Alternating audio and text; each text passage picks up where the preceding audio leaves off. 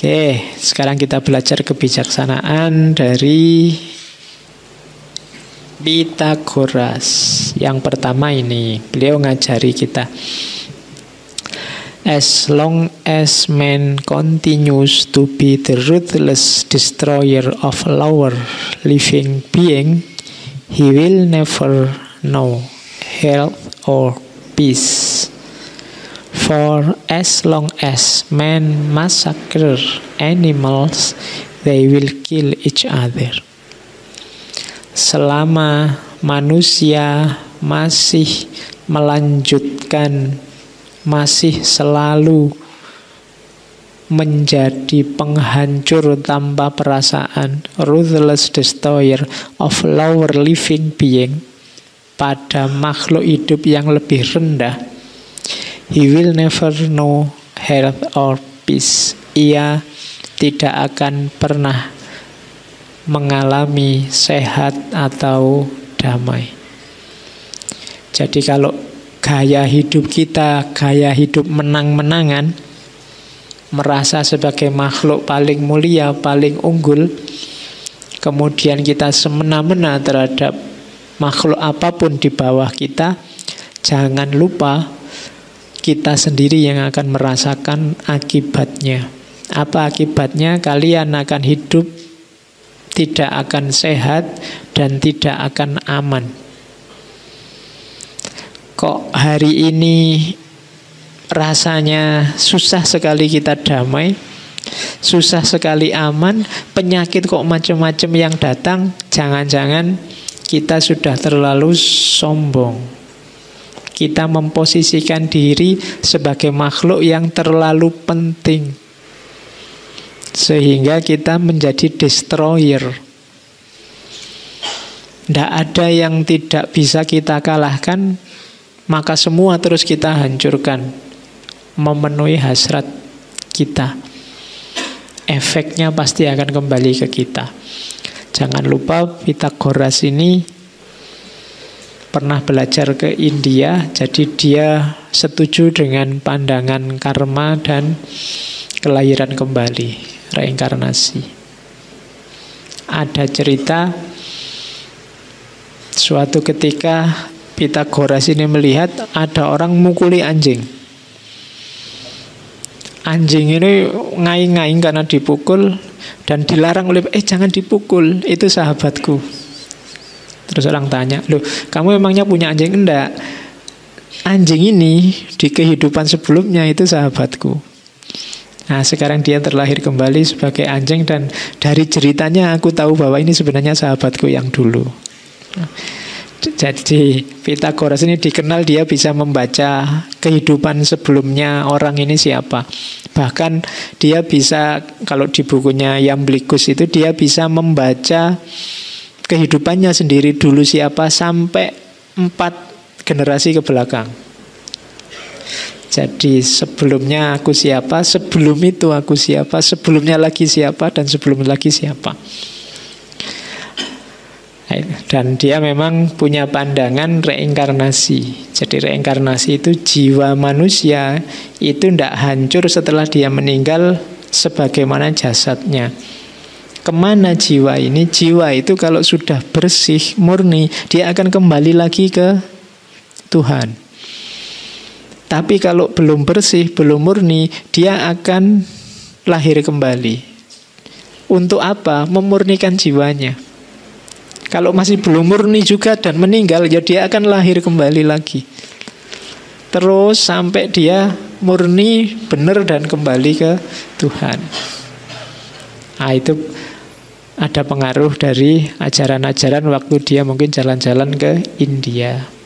Beberapa sufi juga punya pandangan seperti ini sebenarnya.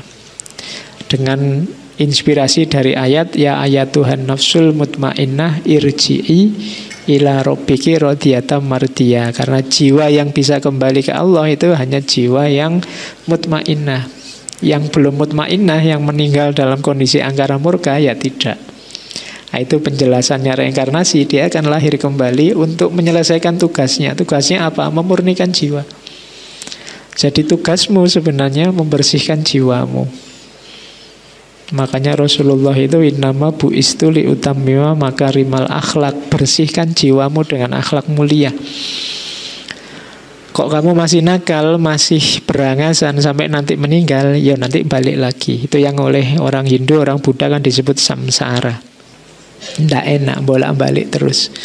Dan kalau sudah lahir kan lupa yang kemarin apa tugasnya, jadi sekarang kadang ngulang lagi dan seterusnya. Nah, itu gagasannya Pitagoras. Jadi hati-hati perilakumu akan kembali padamu kalau ini ajaran karma. Maka kok hidup ini rasanya susah, kita berbangsa ini kok rasanya berat hari ini. Jangan-jangan ada yang keliru dari kelakuan kita. Kalau kita menang-menangan atas semua makhluk yang lain, maka hidup kita juga tidak akan tenang. Di kalimat yang terakhir, selama manusia masih membantai binatang, dia juga akan tetap hidup dengan model saling bunuh antar manusia. Membantai itu masaker itu ya membantai yang tidak ada gunanya. Bukan berarti wah berarti tidak boleh motong ayam pak. Ya kalau butuh makan ayam ya makan saja. Tapi jangan tidak ada gunanya kamu bantai. Siapa yang suka iseng ayo. Kalau ada semut terus kamu bunuh semua di tembok itu lagi jalan-jalan kamu seruet itu terus Iya, wong semut itu kamu ketuk-ketuk aja misalnya di makananmu kalau sudah kamu goyang-goyang dia itu pengertian kalau biasanya pergi. Tapi kamu kan nggak puasanya itu. Biasanya kamu, kamu kadang pelitnya luar biasa. Wong yo makanan sudah ndak dimakan aja kalau ada kucing mendekat kamu lempari. Mending kamu buang ke sampah daripada kamu berikan ke kucing. Itu kan sadisme kan sering di situ. Kadang tidak cuma binatang, tumbuhan kan kamu juga sering iseng. Tidak ada angin, tidak ada hujan, mungkin ada daun-daun, ada apa, kamu sambil ngobrol sambil kamu cabuti satu-satu. Gitu. Nah ya, nah itu manusia sering begitu. Kalau kamu tidak arif terhadap lingkungan, ya alam juga memberimu ketidakarifan, memberimu kesulitan, karena kamu mempersulit mereka. Oke, ya manfaatkan secukupnya. Wong ya dunia ini kan jadi fasilitas kita untuk membersihkan jiwa, mendekat ke Tuhan, mendekat ke Allah. Jangan berlebihan. Kalau butuhnya satu piring ya ambil saja satu piring cukup. Kalau butuh dua piring, ambil saja dua piring. Kalau tidak, nanti kita tidak makan-makan, hanya sibuk mengumpulkan piring. Jadi ambil saja secukupnya. Oke, nah kearifan ini diajarkan oleh Pitagoras. Jadi Pitagoras ini hidupnya dalam gua, ada cerita begitu. Kalau bahasa hari ini ya beliau dan jamaah ini melakukan uzlah, hidup secara zuhud. Bajunya selalu baju putih. Sambil pakai serban, kalau gambar yang saya pampangkan di atas tadi. Pakai serban punya jenggot. Ya kan? Cuma bukan muslim pasti Islam belum ada zaman itu. Jadi tidak harus yang pakai jenggot itu terus muslim. Ya zaman dulu Eropa itu kan orang gagah Laki-laki itu punya jenggot Laki-laki kok nggak punya jenggot diketawain Oke Kearifan ekologis Terus kalau ini kearifan dalam kata. Yang pertama, be silent or let the words be word more than silent. Diamlah, tidak usah ngomong, atau berkata-katalah kalau kata-kata itu lebih berharga daripada diam. Itu nasihat yang berharga dari Pitagoras. Jadi berarti apa? Modus dasarnya itu diam. Ngomong kalau perlu saja. Kalau tidak ada gunanya jangan bicara. Nah, itu nasihat dari Pitagoras karena barang siapa lebih banyak ngomongnya ya lebih banyak salahnya. Jadi batasilah berbicara, berkata-kata. Kalau hari ini plus posting posting itu hitungannya juga ngomong kan berkata-kata cuma pakai jempol aja. Ya, jadi itu kan kayak tanda-tanda kiamat itu tangan sudah bicara. Loh ya kan tangan bicara nanti sebentar lagi kata kaki yang bicara. Oke, kalau tangan kaki sudah bicara berarti sudah dekat dengan kiamat. Jadi katanya Pitagoras, diamlah. Kalau merasa ingin ngomong, pastikan yang kamu omongkan itu lebih berharga daripada diam. Jadi ini rumus untuk dunia ini tentram banyak energi bicara yang keluar tapi bicara yang berkualitas bermanfaat hari ini minim sehingga kata-kata yang lahir hasilnya adalah nambah masalah bukan menyelesaikan masalah. Maka pilihlah diam. Kalau memang harus ngomong pastikan yang kamu ucapkan adalah sesuatu yang lebih berharga daripada diam. Jadi kalau ada temenmu kok ngomong aneh-aneh, bilang saja Allah, mbok lebih baik diam. Sama kayak kamu kalau ada temenmu nyanyi falesnya luar biasa, oh kan kamu terus komentarnya lagumu bagus, cuma lebih bagus lagi kalau kamu tidak nyanyi kan gitu. Jadi diamlah, kalau memang harus bicara pastikan kata-katamu ada maknanya, itu rumus dasar. Kemudian yang kedua, kalau berkata-kata, do not say a little in many words, but a great deal in few. Jangan mengatakan hal kecil dengan banyak kata, banyak kalimat, tapi ungkapkanlah hal besar dengan sedikit kalimat. Jadi jangan cerewet, jangan berlebihan ngomong. Kalau barang kecil butuhnya satu kata, ya ungkapkan saja dengan satu kata. Kadang-kadang tidak imbang. Ngomongnya panjang lebar, maknanya cuma sedikit. Kayak kalian bikin makalah itu loh, 20 halaman. Iya. Karpe mau setengah halaman. Diringkes jadi sak paragraf sudah bisa sebenarnya. Skripsi seratusan halaman, intinya cuma dua halaman. Nah, itu dikritik oleh Pitagoras. Kalau bisa ngomong hal-hal besar dengan sedikit kata. Dibandingkan ngomong hal kecil dengan banyak kata. Boros, energi, eman-eman. Jadi itu pedoman kedua untuk berkata-kata. Pedoman ketiga. The oldest shortest words, yes and no, are those which require the most thought. Nah, ini loh. Kata-kata itu semakin pendek, semakin memancing orang untuk berpikir. Termasuk kata-kata yang paling pendek, iya dan tidak. Kalau orang ngomong iya itu kan terus lawan bicaramu mikir ini tadi iya apa tuh?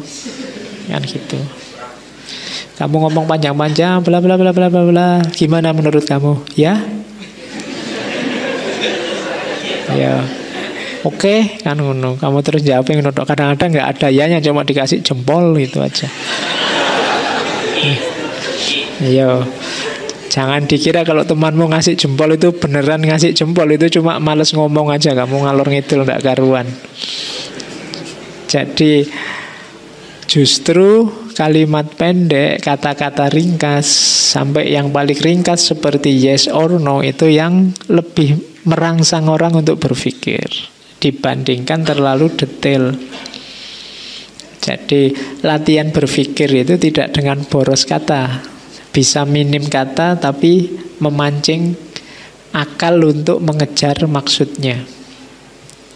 Jadi Berarti kalau mengajari anak biar dia bisa berpikir bukan dengan cara dideskripsikan panjang lebar, pancing dengan satu dua kata biar dia bertanya. Ketika dia bertanya berarti akalnya jalan. Kayak kita kalau di kampus itu kan kalau dosen menjelaskan, Pak saya tidak paham Pak, itu berarti sukses dosennya. Kenapa? Mahasiswanya mau mikir. Ketika dia ngomong tidak paham kan sudah mikir tidak paham-paham. Itu berarti berpikir. Tapi kalau mahasiswanya diem aja. Ada yang tanya, tidak ada pak, sudah. Itu alamat, ya. Jadi tidak mau mikir sama sekali. Justru saya bingung ini pak, saya tidak paham ini pak. Berarti dosennya sukses itu. Mahasiswanya mau mikir. Nah, jadi ngomong yang pendek-pendek saja, jangan berlebihan. Syukur-syukur yang bermanfaat membuat orang berpikir. Dan kalau memang lebih baik diam, diamlah. Oh, kalau kita pakai prinsip ini, mungkin dunia lebih tentram. Hari ini kan sering orang tidak perlu-perlu ngomong terus ngomong. Akhirnya terus jadi masalah, nambah musuh. Nambah kubu baru dan macam-macam. Jadi ini nasihatnya Pitagoras untuk kita jangan berkata-kata yang tidak ada gunanya. Pastikan apa pun yang kita tulis bermanfaat. Terus self mastering. Self mastering itu yang ketiga hidup kita butuh penguasaan diri. Pertama katanya Pitagoras, no one is free who has not obtained the empire of himself. No man is free who cannot command himself. Tidak ada orang bebas yang tidak bisa menguasai dirinya. Dan tidak ada orang bebas yang tidak bisa memerintah dirinya. Kita kan tiap hari menyatakan saya ingin bebas pak, saya tidak mau terikat. Sebenarnya kunci orang bebas itu dua, kamu bisa menguasai dirimu dan bisa mengatur dirimu sendiri. Kalau tidak, tidak mungkin kamu bebas, pasti kamu diatur. Wong kamu tidak bisa ngatur dirimu sendiri, entah secara langsung, entah tidak. Jadi berarti kamu tidak bebas. Untuk bebas itu kamu bisa memerintah dirimu sendiri. Saya bebas kok pak. Saya milih hari-hari ini saya milih males saja. Loh, itu seolah-olah kamu coba kamu tanya, menurutmu antara males dan rajin bagus mana? Ya bagus rajin, Pak. Oh berarti kok kamu tidak bisa menyuruh dirimu rajin? Bisanya kok nyuruh yang males berarti kamu kalah oleh dirimu sendiri. Jadi cirinya orang bebas itu orang yang bisa memerintah dirinya sendiri bisa menguasai dirinya sendiri. Orang yang tidak bisa merintah dirinya sendiri, tidak menguasai dirinya sendiri, jangan ngomong kebebasan. Kamu pasti tidak bebas. Kamu dikuasai oleh di luar dirimu. Kenapa? Karena kamu tidak bisa menguasai dirimu.